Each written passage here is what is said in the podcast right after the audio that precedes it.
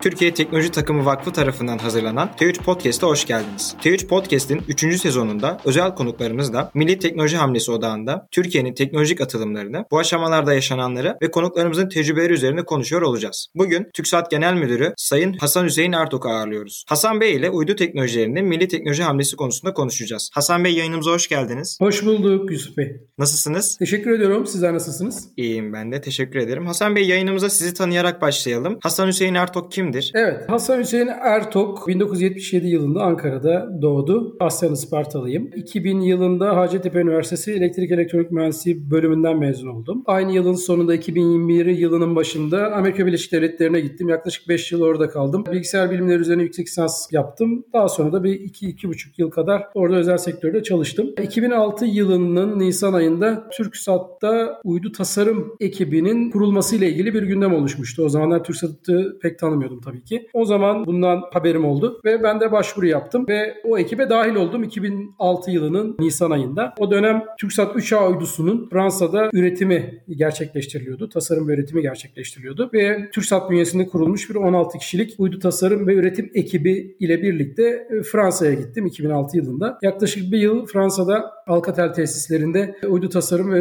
üretimi üzerine eğitim aldık. Ben uydu üzeri yazılım ve veri işleme sorumlusu olarak ekipte bulunuyordum.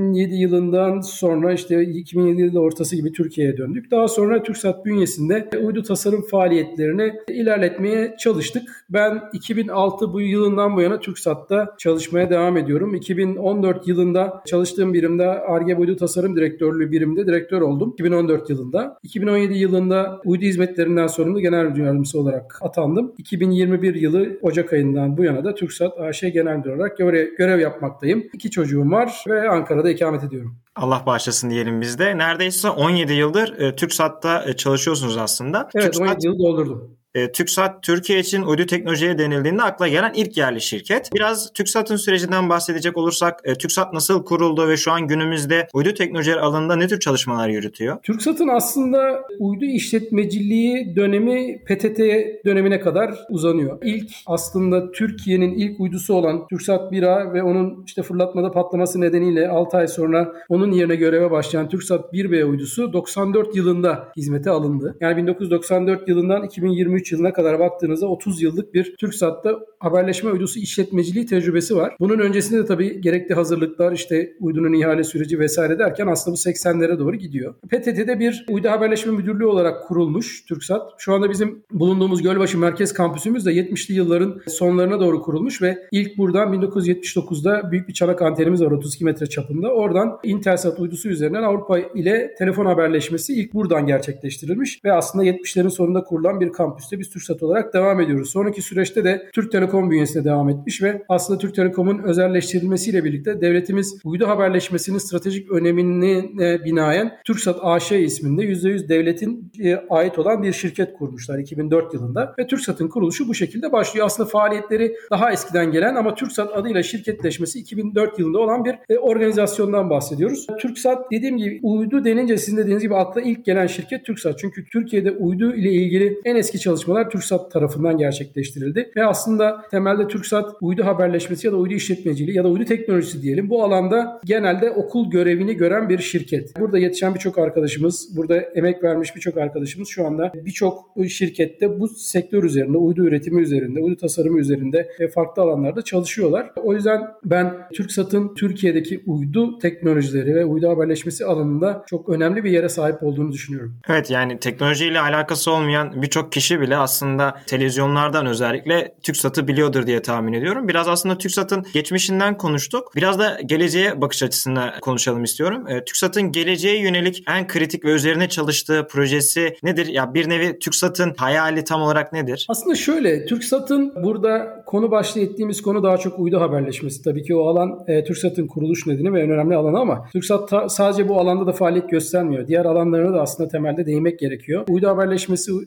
dışında bilişim hizmetleri alanında 2008 yılından bu yana hatta 2006 yılına dayanan aslında kuruluş oraya gidiyor. Önemli faaliyetlerimiz var. Bunların en başında da E-Devlet hizmetleri geliyor. E-Devlet hizmetlerinin 2008 yılında E-Devlet kapısının açılması ve öncesindeki tüm teknik çalışmalar da dahil olmak üzere 2008 yılından bu yana TürkSat tüm geliştirmesini ve işletmesini gerçekleştiriyor. Yani tüm teknik altyapısı TürkSat'ın sorumluluğunda gerçekleştiriliyor ve bu da aslında baktığınızda çok önemli ülkemize hizmet veren projelerden birisi. Onun dışında yine bilişim hizmetleri başlığında kamu kurumlarımızın e-dönüşüm projelerini büyük oranda TürkSat olarak biz gerçekleştiriyoruz. Burada entegratör olarak hem özel şirketleri kullanıyoruz hem kendi yaptığımız kendi imkanlarımızla e, aslında bir e-devlet dönüşümünü e, devletin tüm kurumlarında gelişmesini sağlayan bir yapıdan bahsediyoruz. Bu da çok önemli hizmet alanlarımızdan birisi. Bir diğer hizmet alanımız da e, vatandaşlarımıza doğrudan hizmet verdiğimiz e, kablo TV ve kablo internet hizmetleri. Burada da 1.4 milyon üzerinde Türkiye genelinde e, abonemiz var. Orada da geniş bant internet ve kablo TV hizmetleri sunuyoruz. Hayalimize geldiğimizde tabii tüm sektör alanlarıyla ilgili aslında temelde hayallerimiz var. Uydu haberleşmesi alanında şu anda geçtiğimiz iki yılda hizmete aldığımız 5A ve 5 ve uydularıyla birlikte 5 uyduluk bir e, uydu filosuna sahibiz. Haberleşme uydusu filosuna sahibiz. Bu da e, kapsama alanlarımızdaki Türkiye merkezli olarak Avrupa, e, Orta Doğu, Afrika'nın önemli bir bölümü ve Asya'nın da aslında Batı Asya'nın da önemli bir bölümünü kapsayan bir kapsama alanından bahsediyoruz. Buraya hem internet hem de televizyon yayıncılığı alanında önemli hizmetlerimiz var. Bu alandaki önemli hayallerimizden birisi tabii ki yıllardır üzerine çalıştığımız ve gerçekleşmesi için artık gün saydığımız inşallah önümüzdeki yılın çeyreğinde uzaya göndermeyi hedeflediğimiz TürkSat 6A uydusu. TürkSat 6A uydusunun çok ayrı bir yeri var hepimiz için. Yaklaşık 9 yıllık bir proje oldu ama gerçekten çok büyük ölçekli bir teknoloji ve ARGE projesi ve bizim de çok önem verdiğimiz bir proje. 6A uydusunun hizmete alınmasıyla biz hem işletmeci olarak hem de aslında Türkiye'de uydu teknolojisinin gelişmesine öncülük eden bir şirket olarak çok büyük bir adım atmış olacağız. Ülkemiz için de çok büyük bir adım olacak.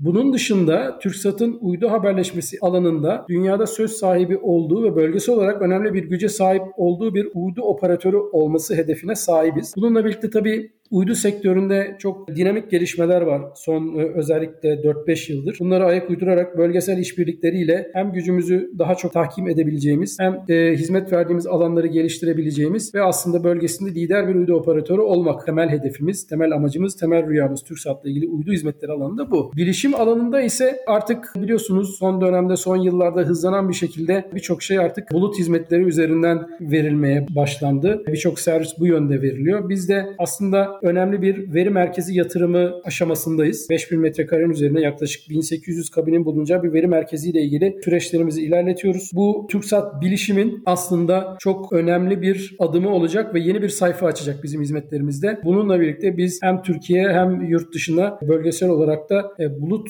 hizmetlerini daha yaygınlaştırma ile ilgili önemli çalışmalar gerçekleştirmeyi düşünüyoruz. E, bu açıdan bilişim alanında şu andaki en yakında ve hayata geçirmek istediğimiz hayalimiz TürkSat Gölbaşı veri merkezini gerçekleştirmek ve ondan sonra artık TürkSat bilişim hizmetlerinin de e, çok daha geniş alanlara yayılmasını sağlamak. Kablo TV tarafındaysa müşterilerimize sunduğumuz tabii ki artık internet çağında gigabit internet hızları artık sunuluyor ama bunlar artık 10 gigabit 100 gigabit'e doğru gidecek. Ne kadar çok internet hızını artırırsak o kadar aslında teknolojiye erişimi ve bilgiye erişimi artırmış oluyoruz. Bu yönde de fiber dönüşümünü altyapımızın hızlandırıyoruz ve geçen sene ve bu sene yatırımlarımızı artırdık ve önümüzdeki 5 yıl yıl içerisinde fiber dönüşümünü büyük oranda tamamlamayı hedefliyoruz. Böylece daha geniş ve bant internet hizmeti sunabildiğimiz daha hızlı bir altyapıya sahip olalım. Yani TürkSat'ı aslında Türkiye'nin devlet e, sahipliğindeki teknoloji öncüsü olarak konumlandırmayı hedefliyoruz her alanda. Özellikle Alta benim de TÜKSAT için en çok takip ettiğim projelerden bir tanesi. Birazdan oraya da gelmiş olacağız ama biraz bu konulara değinmeden önce aslında dinleyeceğimiz için uydu konusunda değinmek istiyorum. Evet. Uydular dış dünyada olsalar da dünyada hangi alanlarda fayda sağlamaktadırlar ve uyduların kapsamları, kullanım alanları nelerdir? Uydular tabii ki dünya dışında uzayda dünyaya hizmet verebilmek için temelde oluşturulan e, yapay cihazlar. Bu uydularla ilgili en temel ve aslında ilk uydu dediğimiz Rusların Sputnik uydusuyla birlikte ilk sunulan hizmet aslında haberleşme hizmeti. Uydular üzerinden işte yeryüzündeki bir sinyalin uyduya çıkılması ve tekrar yeryüzünde başka bir lokasyona iletilmesiyle ilgili ile başlayan bir serüvenden bahsediyoruz. Uydu konusunda yapılan çalışmalarda. Bizim TürkSat olarak sahip olduğumuz uydular haberleşme uyduları. Haberleşme uyduları dediğim gibi yeryüzünden gönderilen bir sinyali daha geniş bir alana, noktadan noktaya ya da noktadan çok noktaya yayan bir yapı. Bunun için farklı yörüngelerde farklı hizmetler sunabilen uydu tipleri var. Bizim TürkSat olarak işlettiğimiz uydularımız geosenkron yörünge dediğimiz yörüngede yani dünyanın ekvator düzleminden 35.786 kilometre uzaklıkta bulunan uydular. Yani neden böyle bir rakam var? Neden böyle bir uzaklık var? Bu kütle çekim hesaplamalarına göre dünya ile aynı açısal hızda dönmenin bulunduğu yörünge. Yani bu yörüngeye koyduğunuz herhangi bir cisim dünya ile aynı açısal hızda döndüğü için buraya koyduğunuz bir uydu kapsama alanı değişmeden sabit olarak hizmet verebiliyor. Yani TürkSat uydularının şu anda zaten televizyon yayıncılığından da bunu düşünebiliriz. Çünkü ne yapıyoruz? Çatıya bir çanak anten koyuyoruz ve onu bir daha değiştirmiyoruz. Yönünü değiştirmiyoruz. Çünkü uydu sabit olarak orada bulunuyor ve bizim antenimizde sürekli aynı uyduyu görüyor. Bu özellikle televizyon yayınlarında çok önemli bir şey tabii ki. Biz bu uyduların üzerinden birincisi en uzun zamandır verdiğimiz ve önemli hizmetlerimiz tabii ki televizyon yayıncılığı ve aslında müşterilerimizin önemli bir kısmı da televizyon kanalları. TürkSat uydularına şu anda 500'ün üzerinde televizyon kanalı yayın yapmakta. Ama artık son yıllarda veri haberleşmesi alanındaki talep de çok arttığı için TürkSat uyduları üzerinden veri haberleşmesi de tabii ki gerçekleştiriliyor. Yani ne diyelim mesela güzel bir örnek olarak söyleyeyim. TPAO'ya ait e, arama gemileri, sondaj gemileri bunların hepsinde TürkSat uydularına dönük bulunan antenlerle gemiler üzerinden uydu internet haberleşmesi sağlanabiliyor. Onun dışında mesela 2000'in üzerinde köy okuluna biz geniş bant internet hizmeti sağlıyoruz. Normal mobil internetin ya da sabit internetin gitmediği köy okullarına Milli Eğitim Bakanlığı ile yaptığımız çalışmayla 2000'in üzerinde köyde internet hizmetini uydular üzerinden veriyoruz. Onun dışında özellikle savunma sanayinin çok kullandığı bir alan uydu haberleşmesi. İşte İHA'ların haberleşmesinden ya da sabit terminallerden ya da gemilerden ya da işte sahil güvenlik botlarından birçok alanda TürkSat uyduları üzerinden veri haberleşmesi, internet haberleşmesi sağlanıyor. Çünkü uydu haberleşmesi her zaman her yerde kesintisiz iletişim sağlayan bir haberleşme. Denizin ortasında, okyanusun ortasında, işte Akdeniz'in önemli bir yerinde kesintisiz olarak doğrudan bir uydu üzerinden siz internet haberleşmesi sağlayabiliyorsunuz. En büyük avantajı sonuçta budur. Bunun dışında haberleşme hizmeti sadece geosenkron yörüngeden sağlanmıyor tabii ki. Son yıllarda artar çok sayıca arttığını bildiğimiz alçak yörünge uydu takım uyduları da var biliyorsunuz. Bunlar mesela Starlink, OneWeb bunlar önemli örnekler. Bunlar da haberleşme hizmeti sağlıyorlar. Bunlar da internet hizmeti sağlıyorlar. Ama bunlar alçak yörüngede. Yani dünyadan yaklaşık 600 e, bin kilometre, 600 ila 2000 kilometre arasındaki yörüngelerde bulunan uydular. E, bunların yakın yörüngede olması e, çekimi nedeniyle dünya etrafında hızlı hareket etmelerini gerektiriyor. Yani o yüzden yaklaşık 90 dakikada bir kuzey-güney yörüngesinde diyelim dünya etrafında bir tur atıyor bu uydular. Farklı yörüngelere koyduğunuzda bu uyduları dünyanın tamamını işte birkaç yüz uyduyla ya da birkaç bin uyduyla e, kapsayabiliyorsunuz. Bu ne demek? Dünyanın tamamına siz böyle bir takım uyduyla internet hizmeti verebiliyorsunuz demek. Şu anda Starlink'in, OneWeb'in ya da buna benzer diğer takım uydulu sistemlerin yaptıkları bu. Bunun dışında birçok ayrı hizmet var. Mesela gözlem uyduları var, gözetleme uyduları var. Bunlara örnek Göktürk 1 uydusu uydusu mesela. Göktürk 2 uydusu, işte en son fırlattığımız İmece uydusu. Bunlar gözlem uyduları. Bunlar üzerlerindeki optik faydalı yükle dünyadan görüntü çekiyorlar. Mesela Göktürk 1'in hassasiyeti 50 santimetre. Yani her bir piksel 50 santimetrelik bir bölümü 50 santim 50 santimlik bir kareyi alıyor. Bu İmece'de 99 santim. Sanıyorum Göktürk 2'de 2-2,5 metre civarındaydı. Bunlar da alçak yörünge uyduları çünkü dünyaya yakın olmaları gerekiyor fotoğrafları çekmek için. E, bu uydular da yaklaşık 500-600 kilometre bandında bulunuyorlar alçak yörüngede. Ama bunların amacı aynı yörünge Starlink yörüngesi gibi bunların da yörüngesi işte kuzey güney yörüngesinde dönüyorlar. Altından geçen dünyanın herhangi bir yerini o anda fotoğraflayıp daha sonra yer istasyonundan gönderiyorlar. Bir diğer önemli hizmet de hepimizin artık hayatımızın değişmez bir parçası olan konumlama bilgisini aldığımız uydular, navigasyon uyduları. Bunlara örnek GPS, Galileo, Çinlilerin Beidou sistemi var. Aa işte dediğim gibi Avrupalıların Galileo var ve Rusların da GLONASS sistemi var. Bunlar uydular üzerinden e, bu uydular daha çok orta yörünge dediğimiz işte 10 bin ila 20 bin kilometre bandındaki yerlerde bulunuyorlar. Bir yörüngeyi dünyadan ne kadar çok uzaklaştırırsanız sahip olmanız gereken uydu sayısını azaltırsınız. Dünyanın tamamını kapsamak için. Mesela GPS uyduları 24 tane uyduyla e, hizmet veriyorlar dünyaya. Aynı anda bir konumu 3 boyutlu bir konumu bulmanız için en az 4 tane uyduyu aynı anda e, görmeniz gerekiyor. Aynı anda sinyalini almanız gerekiyor. E, bu da çok önemli hizmetlerden birisi. Aslında e, en büyük uydular tarafından sunulan hizmetlerden en önemlileri haberleşme, gözlem gözlem ve navigasyon. Bunun dışında tabii ki şeyler de var. İşte iklim değişikliklerini ölçtüğümüz meteoroloji uydularımız var vesaire vesaire. Birçok uydu var ama en temel 3 hizmet alanı bahsettiğim gibi haberleşme, gözlem ve navigasyon. Burada aslında bir diğer konuya geçerken siz de özellikle TÜKSAT'ın geosenkron yörüngede uydu yaptığından bahsettiniz ve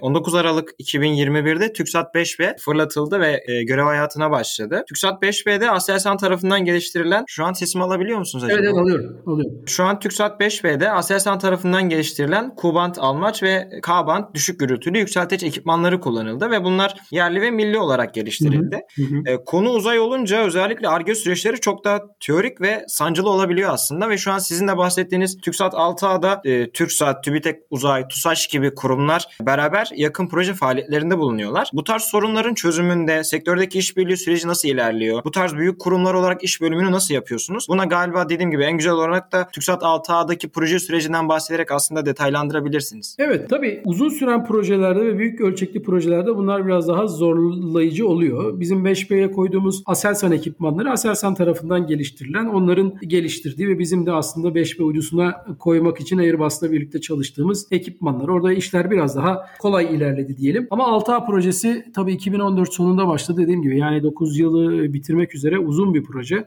Büyük bir proje ve paydaş sayısı da fazla. TÜBİTAK Uzay'ın ana yüklenici olduğu e, Aselsan, TUSAŞ ve SİTEK firmalarının da alt yüklenici olarak görev paylaşımında bulunduğu, TürkSat'ın da müşteri olarak aslında bu uydunun tüm süreçlerini, üretim süreçlerini, tasarım üretim süreçlerini denetlediği ve kabullerini gerçekleştirdiği bir yapıdan bahsediyoruz. Ayrıca Ulaştırma ve Altyapı Bakanlığımız da ana fonlayıcısı olarak sistemin onlar da tabii kabul ve süreçlerinde bulunuyorlar. Birlikte hareket ediyoruz. Zorlu süreçler oldu, çok oldu gerçekten. Özellikle projenin başında bu kadar büyük ölçekli bir proje yapılırken kurulan ekipte bazı problemler yaşandı. Ekip kurulduktan sonra bazı paydaşlarımızın e, üretiminde mesela gecikmeler oldu ama onları bekleyen diğer üreticiler işlerini yaptığı halde işte takvimin sarkmasına neden olduğu uzatmalar yaşandı. Yani özellikle bir de yeni bir haberleşme uydusu ürettiğinizde neredeyse 4 tane aynı uydudan üretiyorsun. Yani özellikle ilk başta ısıl yapısal yeterlik modeli isminde bir model üretiliyor. Bu uydunun ısıl yapısal özelliklerine sahip olduğu bir modeli. Onu bitirdikten sonra test ettikten sonra orada öğrendiklerinizi uydunun e, mühendislik modeline yansıtıyorsunuz. Mühendislik modeline yansıttıktan sonra uydunun elektriksel modeli var. Onu üretiyorsunuz elektriksel modelde e, bütün ekipmanları koymuyorsunuz ama mesela işte diyelim ki 12 tane transponder'ı varsa bir tanesini koyup ona göre elektriksel modeline bakıyorsunuz ve ondan sonra en son uçuş modelini geliştirip üretiyorsunuz ve her bu geçiş aşamasında da daha önceki modelin testlerinden elde ettiğiniz sonuçları bir sonraki modele yedirmek zorunda kalıyorsunuz. Orada mesela bir önceki modelde bir problem çıktığında bir sonraki modelde bunu iyileştirmek için ciddi zamana ihtiyaç olunabiliyor. Bu tür şeyler yaşandı.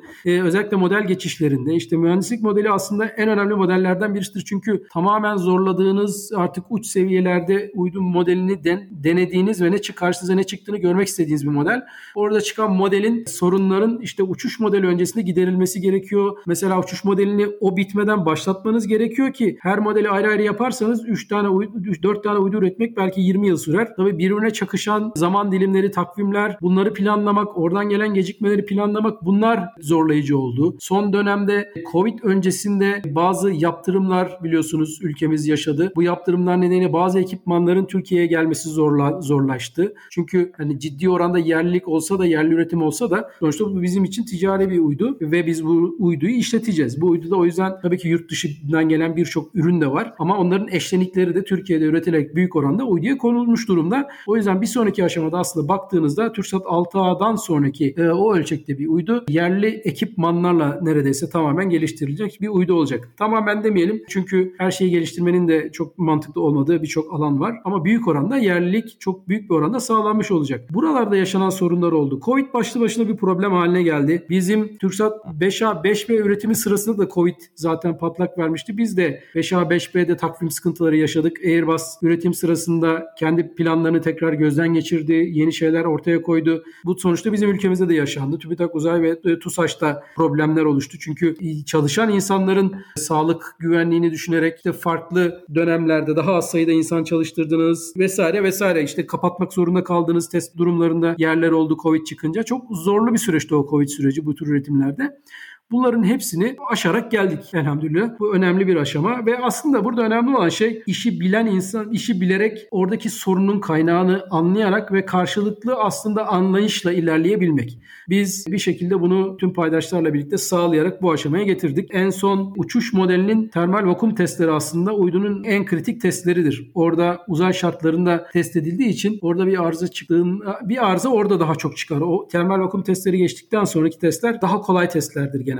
Termal vakum testleri bitti Altağ uydusunun. Bazı problemler ufak tefek çıksa da onlar düzeltildi. Şu anda diğer testlere başladılar. İnşallah onları da tamamlayarak önümüzdeki yılda dediğim gibi fırlatacağız. Fırlatma sorumluluğu bize ait, TürkSat'a ait ve onun satın almasını da biz yapmıştık zaten. SpaceX firmasıyla Falcon 9'da fırlatacağız. Orada da önemli bir e, şey var. Bizim uydu fırlatma tecrübemiz en azından fırlatma sürecini takip etme tecrübemiz var. 5A 5B ile onun öncesi 4A 4B ile bu tecrübe bizde olduğu için TÜBİTAK Uzay'a da bu konuda destek vereceğiz. Onlar yürütecekler tabii ana yüklenici olarak. Ama bizim de desteklerimizi o sürecin de başarılı bir şekilde geçeceğini düşünüyorum. Ben zaman olarak uzun sürmüş olsa da 6A'nın başarılı bir proje olduğunu düşünüyorum. Ülkemize çok büyük katkısı olduğunu düşünüyorum. Orada önemli mühendisler, önemli tecrübeler edindiler. İnşallah onların devamlılığını sağlayacak yeni projelerle de süreci devam ettirmek istiyoruz. İnşallah dört gözle bekliyoruz. Ben son olarak şu soruyla bitirmek istiyorum. Sizin proje süreçlerinden bahsettiniz ve e, bizler de gençlerimizin e, bu süreçleri deneyimlemesi için Teknofest'te çok farklı yarışmalar düzenliyoruz. TÜRSAT'ın da paydaşı olduğu Teknofest'te model uydu yarışması, roket yarışması ve dikey inişte roket yarışmalarını düzenliyoruz. Siz bu yarışmaları nasıl değerlendiriyorsunuz? Uydu teknolojilerine ve milli teknoloji hamlesinde katkılarının nasıl ve ne ölçüde olduğunu düşünüyorsunuz? Son olarak da e, TÜRKSAT'ın Türkiye'nin genç nesillerini nasıl teşvik etmeyi veya e, nasıl TÜRKSAT bu uydu alanı ile ilgili, uzay alanı ile ilgili çalışacak olan gençlere nasıl fırsatlar sunuyor? E, Teknofest